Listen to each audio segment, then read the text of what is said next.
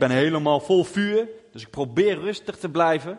Want ik heb eigenlijk zin gewoon een woord uh, zo, uh, zo te smijten. Lekker spugen met heilig vuur. Hou ik wel van. Voor uh, dat ik begin met preken wil ik het woord even openslaan. En als jullie de Bijbel bij je hebben, sla hem open en anders luister je lekker. Handelingen 2.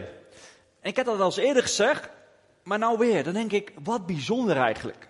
Als echt het werk van de apostelen begint. Hè. Jezus is dus uh, weer teruggegaan naar de vader. Ze hebben hem zien opstijgen. En dat het boek Handelingen genoemd is. Dat, dat, dat, dat vind ik zo bijzonder. Omdat handelingen, hè, in het Engels zeg je acts, we handelen naar het woord. En in handelingen lezen we echt hoe de eerste gemeentes ons, uh, gingen ontstaan zonder uh, dat Jezus nog levende lijven was, maar de Heilige Geest was er. En ze waren vol vuur en ze deden van alles samen. En daar wil ik een stukje over voorlezen. Handelingen 2 vanaf vers 42.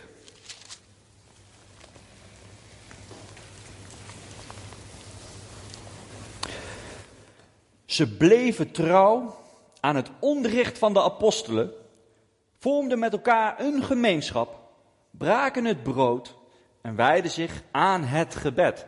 Dit zijn sleutels die ik straks ook verder wil uitwerken als we gefocust willen blijven. We zien zoveel verschillende denominaties de dag van vandaag.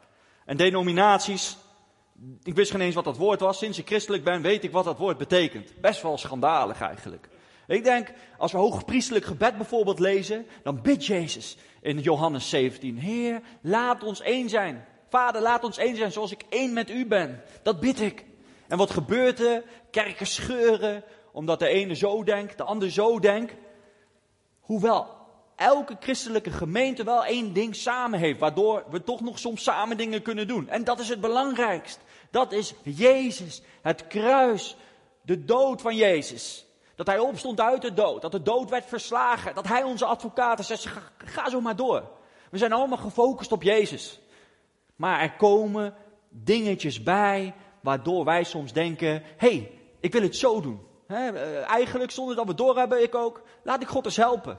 Dus we houden onze focus dan niet meer daar waar we moeten gefocust blijven. 1 Johannes 2, vers 27 zegt dan ook zo mooi: Laat geen mens jouw leraar zijn, maar de zalving Gods. En deze zalving is de Heilige Geest. De Heilige Geest is een vuur, is een zalving, is een troost, is een persoon, is een leraar. Hij wil ons leren. En dat deed Jezus ook. Jezus, en dat ga ik straks ook nog uitbreiden, was altijd op één ding gefocust. Dat zegt hij meerdere malen. Ik kon alleen maar doen wat de Vader mij heeft gezegd of wat de Vader mij heeft laten zien. En hoe wist Jezus dat? Hij was vol van deze Heilige Geest. Hij was immers geboren door de Heilige Geest. Wanneer wij opnieuw geboren worden, is de Heilige Geest in ons. En mogen wij focussen om te veranderen. Mogen wij focussen op Jezus. Weet je wat ik zo mooi vind? Als we ook openbaringen lezen, dan lezen we dat een van de lievelingsdiscipelen, hè, die altijd graag bij Jezus was, volgens Johannes was hij uh, ja, toch wel een van de lievelingsdiscipelen. En dan zegt Johannes op een gegeven moment dat hij als dood neerviel, hoewel Jezus weer zag. Hoewel hij altijd bij hem op schoot aanlag, met hem praten. Dus dat wil zeggen, wanneer wij Jezus echt gaan zien in zijn volheid, in zijn goddelijkheid, dan is hij veel meer geweest dan hoe hij kwam. Want hij werd geboren door de Heilige Geest, maar kwam helemaal als mens hier op aarde. Om hetzelfde te ondergaan, om ons nog beter te begrijpen, om alles te begrijpen waar een mens mee worstelt door de zondeval. Maar hij was gefocust op de Vader. Om mensen te laten zien, ik ben het licht.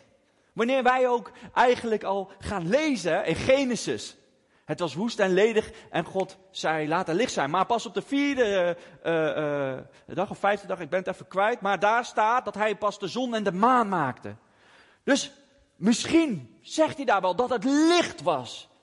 Jezus, zijn heerlijkheid, zijn Shekinah glorie was al in het begin toen hij de aarde aanraakte. Bam! Want daar waar God is, kan geen duister zijn. Waar Jezus was, kon geen duister zijn. Want hij was vol van de geest van God. Wanneer wij dus gaan focussen op de Vader en wij vol zijn van deze Jezus, gaan mensen veranderd worden. Vandaag kwam Johannes langs, toen zei ik ook, zijn neef is mee. Ik zei, ja, het is moeilijk om uh, nou niet tot geloof te komen. Ik bedoel, uh, je loopt met de evangelist en een uh, grote glimlach. Dat is mooi, dat gebeurt er wanneer God je aanraakt. Weet je, en daar wil ik Johannes ook mee bemoedigen, man. Pak, pak dit woord, jongen, ontvang het. God gaat jou machtig gebruiken, omdat je een zwaar leven hebt gehad. Ziet God, dat wat de Satan heeft geroofd, ga ik jou terugbrengen. Je zal een zegen zijn voor mensen. Echt waar, jongen. Let maar op. Jij zal een groot zegen zijn. Dat mensen aan jouw lippen gaan luisteren omdat ze zien dat God jou heeft veranderd. Niet alleen in woorden, maar ook in het handelen. In de daden, zoals Paulus veranderd was. Mensen zaten aan de lippen van Paulus. Was een moordenaar. Maar door de licht die in hem kwam, moest duister wijken. Hij was gefocust op één ding. En dat was niet meer ik, maar Jezus in mij. En Jezus wijst altijd naar de Vader. En dat kon hij doen omdat hij de Heilige Geest had. De Heilige Geest in jou en mij wijst altijd naar de Vader. Dus die denominaties, dat is zo wettisch, dat is zo menselijk. Maar we leven nog steeds in het vlees. Daarom is het belangrijk om in contact te zijn. En wat we dan lezen in vers 42. Ze deden avondmaal, het brood samenbreken. Weet je hoe krachtig het avondmaal is? Niet alleen om het te doen, maar ook om erbij stil te staan. We herdenken daar dat Jezus is gekomen in het vlees. Zichzelf letterlijk kapot brak. Wanneer ik zo'n matser in mijn mond doe en ik bijt daarop, dan bedenk ik ook elke keer als ik bijt, is een stuk vlees van hem kapot geslagen. Een stuk bot werd verbrijzeld. Een stuk zonde nam die op zich van mij of van, van, van, van, van de wereld. Ik heb heel lang afgevraagd dat ik het zo gek vond. Dat Jezus stierf aan het kruis en zei: Vader, waarom heeft u mij verlaten? En het werd op een gegeven moment een, een gesprek tussen mij en God. En ik weet heel goed dat God tot me sprak, dat ik stil stond en ik begreep het. Ik begreep het. De vader zei eigenlijk, Edward, wanneer jij boos bent, of een andere nare eigenschap hebt wat totaal niet goddelijk is, maar we leven in een gebroken wereld. We hebben te kampen met gevoelens, met emoties. En het is een keuze, laten we het geboren worden, of brengen we het bij de vader en willen we veranderen. En wat gebeurt er dan? Als je wil veranderen, je gaat meer en meer karakter van God krijgen. Je gaat meer en meer op zijn zoon lijken. Maar Jezus op dat moment nam alle zonde op zich. Alle zonde nam hij op zich. Het was zo'n na moment voor hem. Hij kon de vader onmogelijk nog voelen. Want er kwam woede in hem. Haat, moord, alles kwam in hem. Daar stierf hij voor. En hij kon de vader even niet meer voelen. Hij heeft zelfs letterlijk alles meegemaakt. Zelfs dat stukje. Maar dan denk ik, dat denk ik, hè, ik weet niet of dat zo is, maar dan denk ik, wauw God, wat bent u genadig. Dat u Jezus alles hebt door laten lopen, maar maar een enkele seconde hoeft hij die dat moment te ervaren. Even zonder de Vader te zijn. Wij, ons doel is om te wandelen en te handelen naar Jezus, maar wij hebben zo vaak dat we even de focus kwijt zijn. Door de drukte, door gezinsleven, door een verleden, door werk, eh, heel veel dingen. En hoe vaak hebben wij wel niet dat wij even vergeten om over de Vader na te denken. Ik had zoiets twee weken geleden en dat wil ik heel graag met jullie delen. Want het is tot een getuigenis veranderd. En ik geef alle eer en glorie aan Jezus. Want als ik naar mezelf had geluisterd, was het heel anders afgelopen. En heel begrijpelijk ook. Als iemand anders uh, het was en niet ik, had ik, wel, had ik het begrepen. Niet goed gekeurd, maar had ik het begrepen. Ik zal de situatie schetsen wat er mij is overkomen. Twee weken geleden was ik uh, bij Ma op bezoek, want daar is het altijd rustig. En mijn zoontje heeft daar veel vrienden. En die was heerlijk aan het spelen. En op een gegeven moment komt er uh, keihard een auto aanscheuren. Ik was met een vriendje aan het spelen. En uh, mijn lieve vrouw Jessica, die was met hun aan het opletten, mee aan het spelen, kijken. En zo'n auto komt keihard aanscheuren in een woonwijk, waar drempels staan, noem het maar op. Dus mijn vrouw maakt dat gebaar van, hé, hey, rij eens rustig. En deze jonge gast, uh, die draait om en uh, geeft gas, rijdt op mijn vrouw in. Mijn vrouw Jessica, die springt echt zo heel snel weg. De schoen blijft ook, uh, dus één schoen valt uit. Ja, mijn zoon schrikt zich kapot. Mijn schoonmoeder was er ook bij, die had het ook gezien. En op een gegeven moment was Jessica erheen gelopen. Zegt, ben je wel helemaal lekker? En die jongen, die, die deed heel nonchalant zo van, ja. Hm. Dus mijn, mijn vrouw zegt, je moet echt normaal doen, want hier spelen kinderen, dat zie je toch. En op dat moment zegt hij, nou ja, maakt mij niet uit. Ik heb vaker mensen onder de auto gehad. Dus yes, de reactie was terug. Maar als je mijn zoon onder de auto krijgt, heb je echt een probleem. Mijn zoon helemaal bang. En dat vriendje ook. En uh, hij loopt weg gewoon. Dus ik hoor al iets. Ik denk, ik ga eens naar buiten. Want hoort het bij spelen? Wat, wat, wat gebeurt er? Dus ik loop naar buiten. Ja, Jessica was helemaal van de rooi. Ik zeg rustig. Ja, vertelt. Uh, net uh, rijdt iemand op me af. Ja, wie is dat dan? Ja, heeft de auto daar bij de flats geparkeerd. Dus ook nog eens een praktische buurman. Dus uh, ik loop naar die auto. Nou ja, sta je voor een flat, hè? Al die ramen, deuren. Ja, ik weet niet.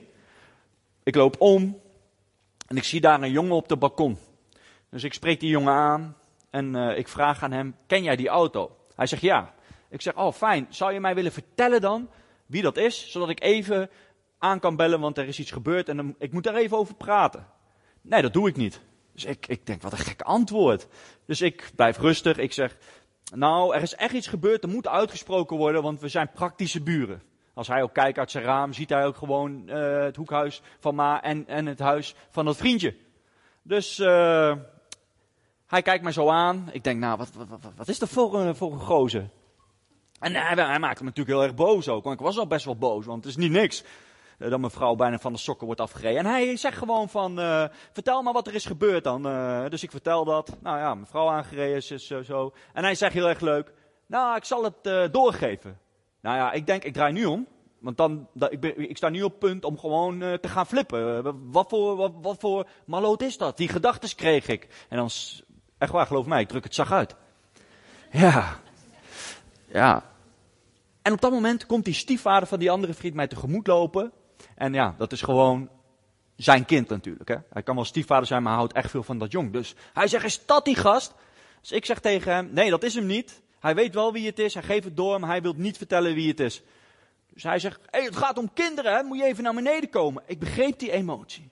Ik kon nog inslikken, maar ik begreep die emotie. Maar toen, die jongen, die werd ook helemaal uh, crazy. Die zegt, als ik jullie nog een keer zie, ik schiet jullie dood. Wacht maar, jullie kennen mij niet. Je met de verkeerde jongen nu problemen. Dus we werden met de dood bedreigd. We lopen terug. Politie was ook al gebeld. Politie komt. Nou, uh, noem maar op, aangifte et cetera. En toen het aan het zinken was, toen dacht ik, nou, zulke gasten hebben even een goede stoot nodig. Dan zal ik, als ik, als ik hem tegenkom, dan geef ik hem één goede stoot. Dan weet hij dat hij niet meer zo raar moet doen. Want uh, ja, dat dacht ik echt. Ik denk, hij, hij, hij, hij was ook heel de tijd aan het kijken door de gordijn. Waardoor hij zag waar Sjaan woonde, waar die andere vader woonde. En ik dacht van, nou, uh, ik ga geen risico's lopen dat hij ons gaat intimideren. Zulke jongens, die moet je gewoon eventjes een tand eruit slaan, klaar. Normaal, normaal ben ik helemaal niet zo. Maar dat is het vlees, hè? Dat is het vlees. Ik had, ja, hallo, mijn vrouw werd bedreigd. Mijn, mijn zoon was bang. De volgende dag durfde hij geen eens op straat te spelen. Moest ik hem weer van overtuigen, hè, ma? Het is heel erg als vader dat je dat ziet. En dat, die jong, dat je dan zo'n antwoord terugkrijgt. Nou, twee dagen later is het zondag.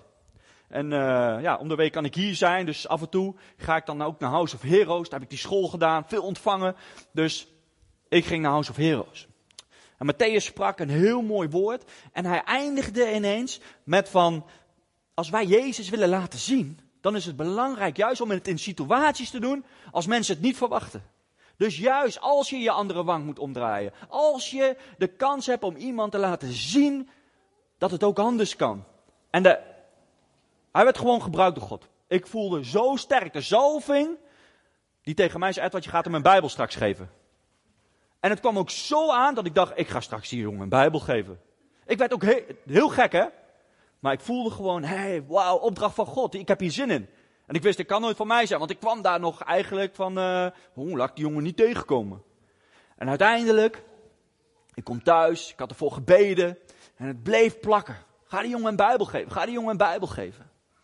Nou ja, toch wel spannend. Je bent met de dood bedreigd. Dus ik zeg, Heer, ik wil alleen die jongen een Bijbel geven. Als dit echt uw wil is. Bescherm mij. Want ja, ik moet toch die flat in dan. Dus laat die deuren dicht blijven. Maar ik wist al lang dat, dat God zei, ja, dit is, dit is jouw angst. Want jij hebt mij goed verstaan. En ja, die deur gaat eerst open. En ik loop die trap omhoog. En ik bel aan bij zijn voordeur. En hij keek heel erg geschrokken en boos. En ik voelde me letterlijk een Bijbelsfiguur. Echt waar, was gewoon heerlijk. Ik voelde echt gewoon die angst van mij, maar in de automatische piloot. Waarom? Ik was gefocust op Jezus. Niet meer Edward, maar Jezus. Zo stond ik. Maar ik denk, wow, heer, nu gaat het gebeuren. Dit is, dit is, dit is, dit is van u. Niet alleen de angst was dit, hoor. dit was ook gewoon die, die power van de Heilige Geest. En ik zeg, ik kom in vrede. En ik dacht nog bij mezelf, zeg je dit nou echt, Edward? Ah, ik dacht, weet je, zo, zo, dit is wel, ik ben nou gewoon een bijbelsfiguur. Is goed, maar niet uit. Die deur gaat open. Ik ga daar zitten. Alle twee die, uh, die uh, jonge gasten waren daar. En ik zei, nou ja, uh, jullie weten waarom ik hier ben. En ik kom maar meteen de, de deur binnenvallen. Want ik ben eigenlijk heel erg boos op jullie geweest. Maar ja, er is vanochtend wat moois gebeurd. Want ik, ben, ik, ik geloof in Jezus. Ik ben zes jaar geleden aangeraakt. Kort getuigenis verteld. En toen zei ik, ik heb ook een Bijbel meegenomen. Omdat ik geloof. Hoe Jezus mij heeft veranderd, kan hij jullie ook veranderen. En ik wil de Bijbel alleen achterlaten als jullie hem ook willen hebben. Anders hoeft dat geen eens.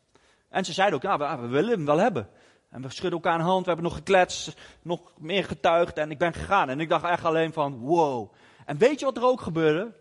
Woede, haat, alles weg. Nu ben ik gewoon trots. Waarom ben ik trots? Ik was dit niet, hè.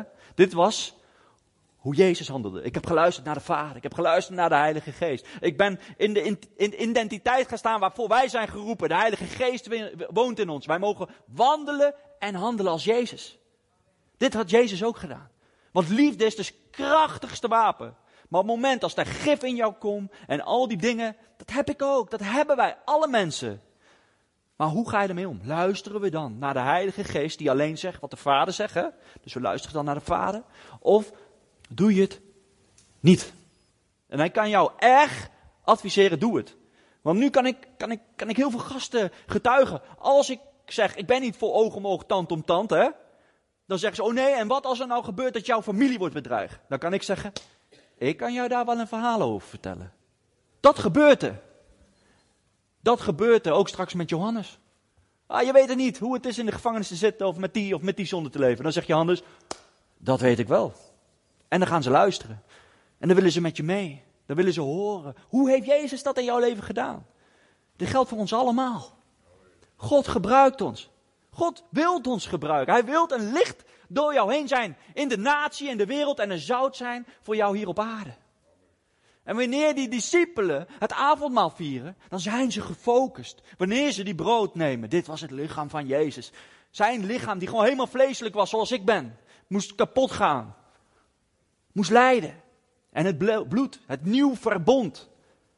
Weet je hoe bijzonder het is? De Bijbel spreekt zich niet tegen, maar laat alleen maar zien de schaduw, afbeeld van wie Jezus daadwerkelijk was. De hele Bijbel is gefocust op Jezus. Het Oud Testament, wanneer het bloed van het lam gesmeerd moet worden al. De wetten die Mozes moest geven. Noem maar op, allemaal was het kruis waar ze naar, of het hout met de slang waar ze naar moesten kijken om genezen te worden. Van al die giftige reptiele slangen. Dat is allemaal Jezus. Jezus haalt het ook weer aan in het Nieuw Testament. Ik moet ook opgeheven worden als het hout. We kijken naar Jezus. Wanneer ook die Israëlieten in de woestijn eigenlijk al naar een schaduwbeeld keken. Een profetisch teken naar het hout wat hun weer gezond zou maken. Jezus maakt ons gezond. Zijn bloed is zo heilig dat God zegt: drink niet van bloed, want daar rust leven in. Dat God zegt: drink wel van het bloed van het lam. Van het heilige bloed. Want als zijn bloed, zijn leven door jou heen mag stromen, dan zal jij beseffen dat het jou rein, heilig, alles verklaart het jou. Ook al ben jij het niet, maar jij bent het ook niet meer. Het is Jezus. Ik getuig alleen maar over Jezus. Ook wat ik heb gedaan nogmaals. Ik wou die jongen slaan. Maar door Jezus heb ik het niet gedaan en ben ik blij. Dat was de juiste keuze. Als ik hun nu tegenkom, kan ik lachen. Als ik nu hun tegenkom, dan denk ik, oh ja, even bidden voor hun. Als ik hun nu tegenkom, denk ze, hé, hey, dat is die gast die het over Jezus heeft gehad. Ik hoef niks meer te doen. We mogen een wandelende evangelie zijn. Als jij één keer tegen iemand al hebt gezegd, Jezus houdt van jou, geloof mij, hoef jij dat niet meer te zeggen. Dat onthouden de mensen. Als wij gaan evangeliseren op straat ook, dan zeggen we ook, enigste wat altijd klopt, wat een profetisch woord is, Jesus loves you. Jezus houdt van jou. Want Jezus houdt van elk mens. Want Jezus is gefocust op de Vader. Jezus is gefocust op jouw hart. Jezus ziet dat jouw hart goed is. Maar door de omstandigheden, door de verkeerde keuzes, door vrienden, door dat je hebt ingelaten met troep van de Satan, ben je misschien een niet fijn persoon geworden. Maar je bent geen vergissing. God wist al vanaf de grondlegging der werelden wie er vandaag hier zou zitten, of waar dan ook, hoe jouw naam is, wat jouw naam is. Noem het maar op. God is zo groot. Dus hoe kun je dan denken dat je een vergissing bent? Je bent een vergissing als je niet gaat wandelen en handelen in de roeping van God. Want dan mis je die grote schatten die God voor jou hebt. En God is zo'n goede vader dat hij er alles aan doet om mensen op je pad te brengen. Om jou weer gefocust te krijgen op Jezus. Gefocust te krijgen om in jouw identiteit niet alleen te wandelen, maar ook te handelen. En wanneer wij dan lezen dus wat die apostelen deden, waren ze altijd bezig om gefocust te blijven. Ze braken erg vaak het brood. En ook het bidden deden ze vaak. Weet je, bidden klinkt misschien voor sommige mensen oudbollig. Maar bidden is praten met God. Is relatie onderhouden met God. En wanneer wij gefocust blijven, dan wil je relaties onderhouden. Zelfs met mensen die je, die je misschien door het geloof uh, geen klik meer mee hebt. Denk aan je ouders misschien. Mijn ouders zijn super lieve ouders, maar ik kan niet met hun heel tijd over Jezus praten. Dat zou niet wijs zijn. Want dan, dan, dan, dan, dan, daar kunnen ze niet tegen. Ze zijn daar niet zo vol van als ik. Maar toch laat ik Jezus niet zien als ik hun niet op bezoek bijvoorbeeld laat komen of zo. Dus elke keer als mijn ouders er zijn, mijn ouders zijn nog gescheiden, maar goed, als ze er zijn, dan investeer ik in de relatie als zoon. En zo kan ik ook het licht laten schijnen. En soms zie ik echt wel veranderingen. Dat ze toch met vragen komen. Zoals mijn vader een keer zei, want die, die, die, die doet er niks mee, maar hij is wel katholiek. Dus die vroeg toen een keer aan mij, waarom hebben jullie Jezus niet aan het kruis? Toen zei ik, ja, uh, ten eerste, uh, het is niet onbijbels om Jezus aan het kruis uh, te zien. Alleen ik geloof dat hij van het kruis is afgegaan, dat hij weer leeft. Dus als ik dan naar het kruis kijk, waar Jezus nog aan hangt, dan denk ik hoe die heeft geleden voor voor mij en zo. En dat was heel mooi en heel goed. Maar ik vind het nog mooier dat hij er vanaf is gegaan. Dat hij leeft. Dat hij aan de rechterhand van de Vader is. Dat hij mij wil gebruiken. Dat hij de dood heeft overwonnen. Dat ik gefocust ben. Niet op, op, op, hoe Jezus alleen maar liep op aarde. Maar ook de werken daarna. En dat is mijn ding. En daar had ik een gesprek over met mijn vader. En mijn vader zei van. Oh ja, dat is een heel mooi beeld. Nou, nou snap ik dat. Gewoon. En daarna zijn we weer gezellig gaan kletsen. Dus zo nu en dan. Als je gewoon ontspannen bent dan gaat Jezus door jou heen schijnen. Als we ook Jezus gaan, gaan bestuderen, de focus houden op het woord, want Jezus is het woord, dan zien wij ook dat hij gesprek aangaat met mensen. En een van die geweldige gesprekken die Jezus deed, was toen die uh, centurion kwam en zei, ja, uh, mijn zoon is uh, ziek, kom mee. zei Jezus, ja, ik zal meegaan, maar hij zegt eigenlijk iets wat geen mens had verwacht. Geef die opdracht maar, zeg het maar, en hij zal genezen. En Jezus denkt, wow, wat een groot geloof. Hij wist dat wanneer Jezus sprak, dat er dingen ging gebeuren. Wanneer jij spreekt, gebeuren er dingen. Eigenlijk sprak hij een gebed uit. Een woord van kennis uit. En uh, later hoort hij ook op precies dezelfde tijdstip, wanneer hij Jezus tegenkwam, was het kindje ook genezen. Waarom? Deze centurion was gericht op, gefocust op, die man kan het. Ik moet hem hebben. En als ik hem het probleem heb verteld, dan is het probleem opgelost. Want hij had ook, hij wist van het leger, als ik orders geef, worden er naar de orders geluisterd. Omdat ze gefocust waren in het beroep die ze hadden. Kijk, ik heb maar een half uur, dus eigenlijk heb ik, kan ik de preek niet helemaal doen.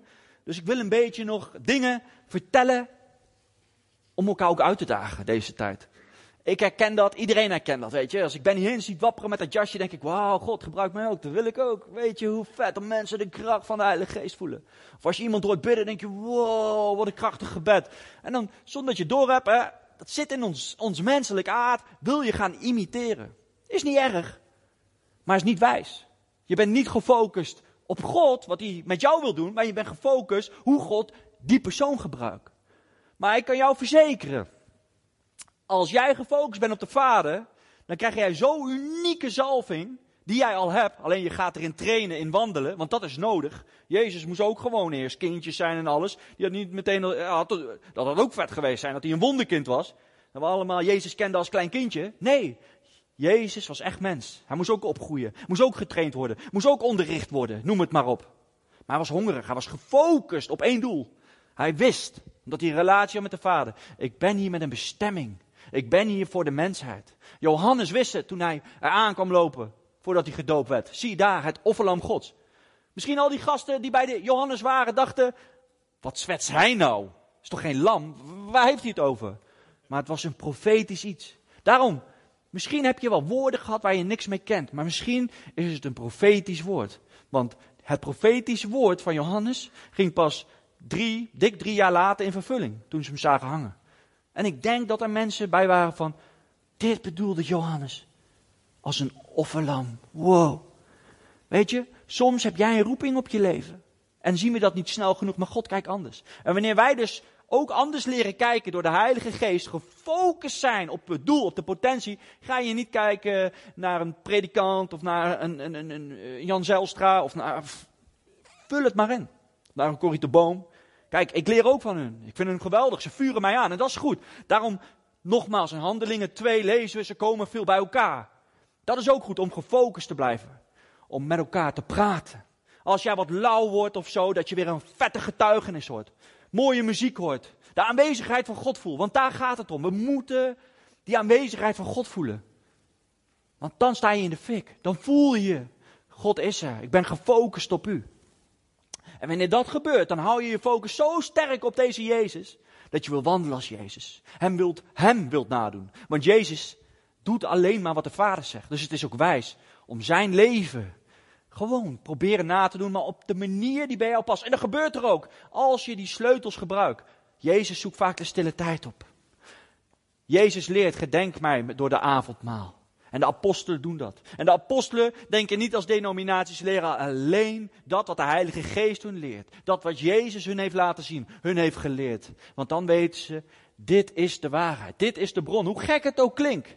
Hoe gek het ook is dat ik naar uh, die plek wil en de Heilige Geest zegt niks ervan, die kant op. Dan luister ik, ook al vind ik dat gek. Ik ben bang, nou en, God geeft me een opdracht, dus het zal wel goed komen. En dan ga je steeds meer focussen op God, steeds meer vertrouwen in God. Je geloof wordt groter, je zalving kan ontplooien en groeien, want je doet dingen die God van je vraagt. Waardoor je dus die training instapt. En dingen zullen dan gebeuren. Niet wil je meer zijn als, als, als die Pietje of die Klaasje, maar je wilt zijn met de unieke zalving die jij hebt. En dat zie je zo goed bij topsporters. En dat is ook, eigenlijk, dat, dat, dat voorbeeld wil ik heel graag nog gebruiken. Wat ik bedoel om goed is het, wat de apostelen ons leren, om bij elkaar te komen. Samen het avondmaal te vieren. Hem groot te maken. Waarom? Omdat het je helpt om aangevuurd te blijven. Weet je, de play-offs van de NBA zijn weer bezig. Ik vind het geweldig. Kijk, ik hou alleen maar van NBA basketbal, omdat dat zo snel gaat. De, dingen gebeuren dat je echt denkt, dit is, dit is, dit is wow. Dit, dit, dit, dit, kan dit echt? Als je ziet vliegen, gasten van 1,90 dunken. Ja, weet je, ik vind het fantastisch hoe ze een bal blokken, et cetera. Maar ik weet nog goed in de jaren 90, Michael Jordan. Ik was een uh, klein kereltje en Michael Jordan was zo groot dat iedereen had wel wat van Michael Jordan. Of je had de Chicago Bulls pet, of je had, noem het maar op. Ik had dat ook. Ik vond het geweldig. Maar hoe kwam dat? Ik had toen niks met basketbal. Ik, ik was een voetballer. Ik keek geen eens basketbalwedstrijden. Maar Michael Jordan was zo groot. En als je hem zag, op tv of zo. Dan keek je, want het was Michael Jordan. Hij had die zalving die hij had in sport tot zijn optimale potentie gebracht, waardoor hij aanstekelijk was. Dat je ineens op basketbal wilde. He, ook met voetbal. Vroeger Ajax. Iedereen was voor Ajax. Waarom? Ja, ze waren wereldkampioen. Ze hadden Bergkamp, David, Seedorf, Van der Sar. Ik was dan niet voor Ajax. Maar mijn opa deed er alles aan om mij voor Ajax te worden. Ik was voor PSV, omdat mijn vader me dat had geleerd. Snap je?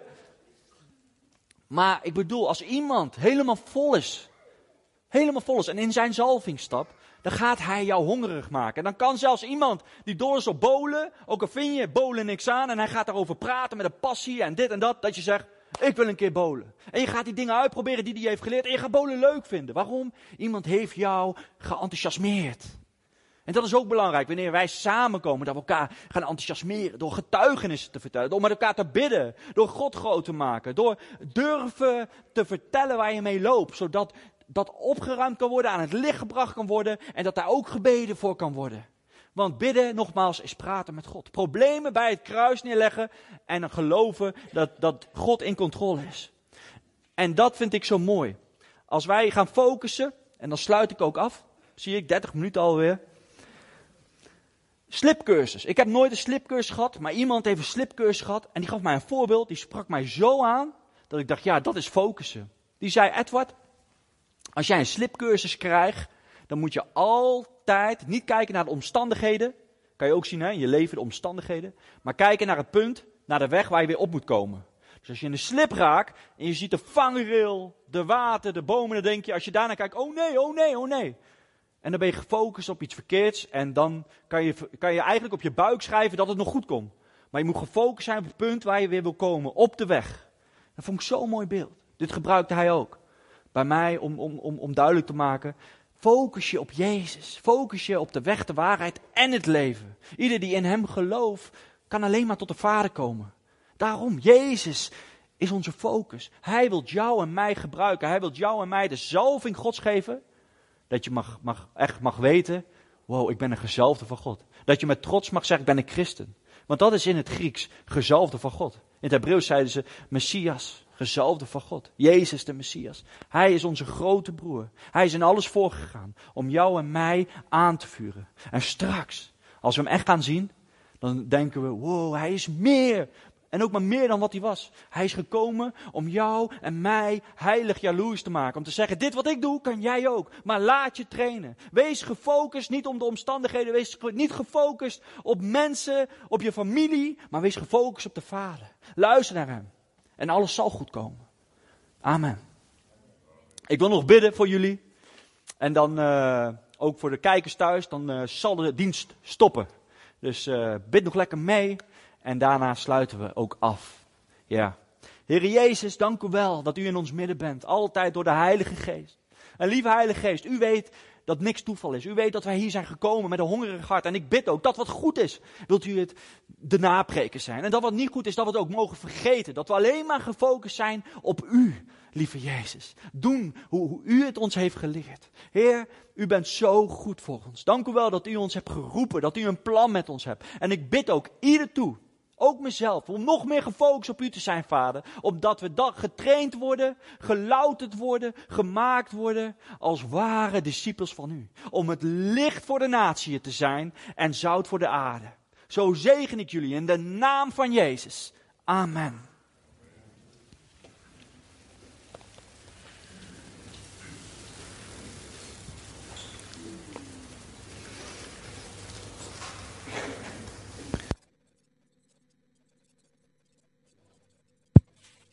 Oké. Het? Ja, hij doet het. Goed.